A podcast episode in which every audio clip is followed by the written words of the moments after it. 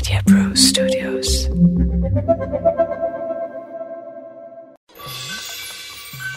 भाई शारीरिक बल ही सब कुछ ना होखेला कबो कबो बुद्धि लगा के भी शारीरिक बल के परास्त कई जा सकल जाला।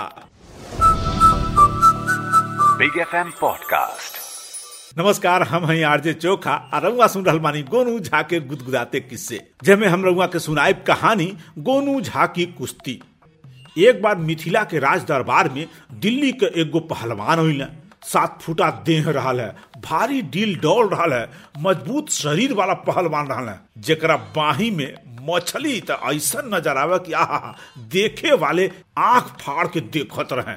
यहर मिथिला नरेश कला का बहुत प्रेमी रहल पहलवान के दरबार में बड़ा आदर के साथ लावल गई महाराज उनकर खुद स्वागत कैल आवा भगत भैला के बाद पहलवान गौरबिली आवाज़ में बोलल महाराज, हम दिल्ली से आयल बानी और हमार नाम पहलवान ज्वाला सिंह है। दिल्ली में हमरा मुकाबले कोनो भी पहलवान ठाढ़ ना होखन। हम आस पास के सगरो राज्य के पहलवान के भी कुश्ती में पछाड़ चुकल बानी।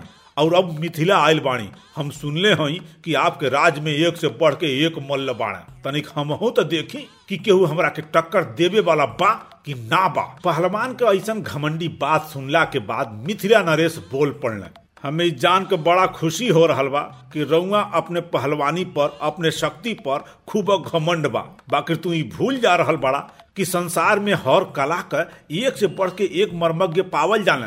पहलवान फिर दृढ़ता से बोलल, महाराज, द्वंद कला में हमके आज ले केहू ऐसा ना मिलल कि जे हमरा के पराजित कर सके। महाराज फिर उनकर जवाब देने निश्चय ही ऐसा बात हुई, पर एक अर्थ तो ना बा कि तू कहीं भी पराजित ना हो सकेला। अगर तुमके अपने शक्ति पर घमंड बा तो कल भोर भोर अखाड़ा में तोहरे भुजा के शक्ति और पैतरा का आकलन होइए जा। फिर का, तैयारी होखे लगल अगले दिन पहलवानी के। फिर भोरे भोरे अखाड़ा में खड़ा ज्वाला सिंह एकदम गरजत रहे कि केहू में दम होखे त आवे। मिथिला नगर के कई गो मल्ल द्वंद युद्ध खतिन तैयार रहने राजा साहब के अते पहला कुश्ती के शुरुआत भइल। ज्वाला सिंह वास्तव में गजब के पहलवान रहल। क्षण भर में ही अपने प्रतिद्वंदी के चित्त कोई धले। ओकरा बाद त मिथिला नगर के चार गो और पहलवान सामने घुटना टेक दहले माथा झुका लेहले अब त मिथिला नगर का सम्मान खतरा में रहल। राजा साहब चिंतित हो गई कुश्ती खत्म भइल।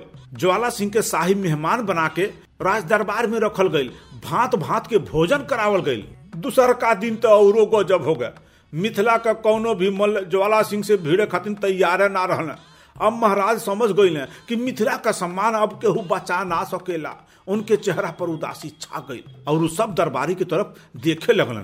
का मिथिला में कोनो ऐसा मल्ल नाही जे ज्वाला सिंह के घमंड के चूर चूर कही सके? का हमनी के व्यर्थ में ही अपने मल्ल के घी, दूध खिलावत पिलावत रही है? का ऐसे मिथिला का सम्मान बची? अब दरबार में गोनू झा विराजमान रहल उनके महाराज के ई उदासी देखल ना गई। मन मन विचार कैले कि अब हम ही के कुछ सोचे के पड़ी। सोच विचार के बोली पड़ले महाराज, हम ज्वाला सिंह से मल्ल युद्ध करब।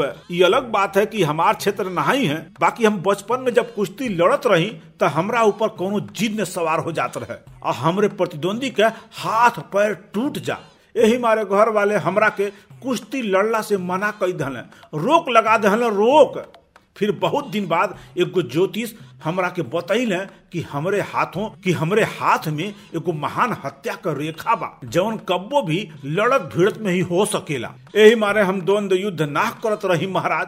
पर आज मिथिला के मान सम्मान का बात बा तो हम अवश्य लड़बे। ज्वाला सिंह भौचक्का होके उ कमज़ोर आदमी के देखत रहे, जौन इतना गरज के साथ चुनौती स्वीकार कर रहा बा। महाराज समझ गई कि गोनू झा बुद्धि का प्रयोग कोई के ओ पहलवान का घमंड चूर कल चाह रहा बाड़ा।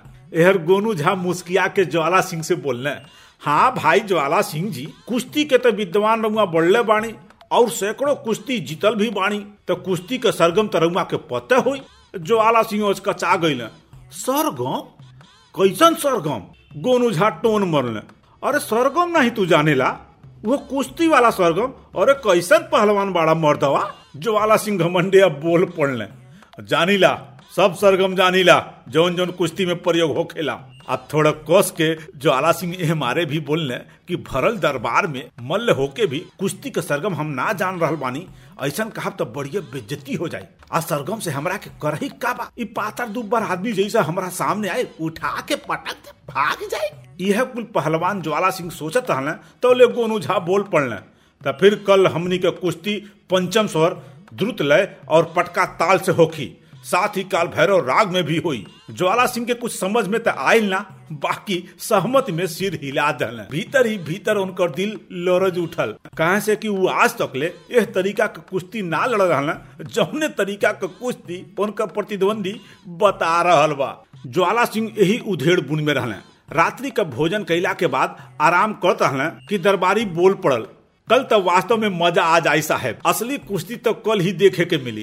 गोनू झा पटक ताल में तनी कच्चा बाड़ा लेकिन द्रुत ताल में उनका जवाब नहीं। आप पलक भी न झपक में कि आपके रीढ़ के हड्डी में दरार पड़ जाए का गजब के पैतरा बा उनकर। दिल्ली में दांव पे तो सब सिखावल जाला, पर जब तक लय ताल का पता न चले त का सीखला। गोनू झा त काल भैरव का उस्ताद हन और काल भैरव के तरहुआ जनता बाड़ी कि बड़ा ही क्रोधी मोल हन ज्वाला सिंह के कुछ सूझत ना रहल कि कहा बात हो रहा बा। फिर दरबारी से कहना अब हमरा के आराम करे दा। भोरे भोरे एकदम में जगा दिया। दरबारी हंसत के वहाँ से चल दहले भोरे भोरे अखाड़ा में गोनू झा शेर का तरियन गरजत रहे। चारों तरफ़ भीड़ का कोलाहल रहल। यहर मिथिला नरेश अपना गद्दी पर बैठल सब देखत रहे। लेकिन दिल्ली के पहलवान ज्वाला सिंह के कहीं अता पता भी ना रहल। सगरो मिथिला में खोज डालल गईल बाकी उ ना मिलने। सगरो मिथिला में खोज डालल गईल बाकी उ ना मिलने।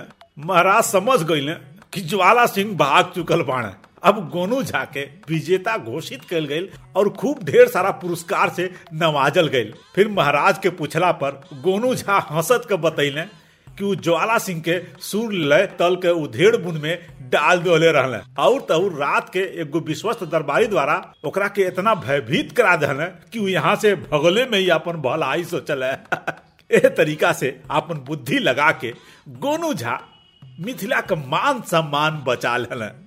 तो भाई ई रहल कहानी, गोनू झा की कुश्ती। फिर मिल जाई एगो नया कहानी के साथ। जोने में थोड़ा हँसी हुई, थोड़ा गुदगुदी हुई, थोड़ा सा ज्ञान भी ओकरा से मिली। तो अब दी आज्ञा निमन निमन बढ़िया बढ़िया कहानी खातिर सुनत रही चोखा के पॉडकास्ट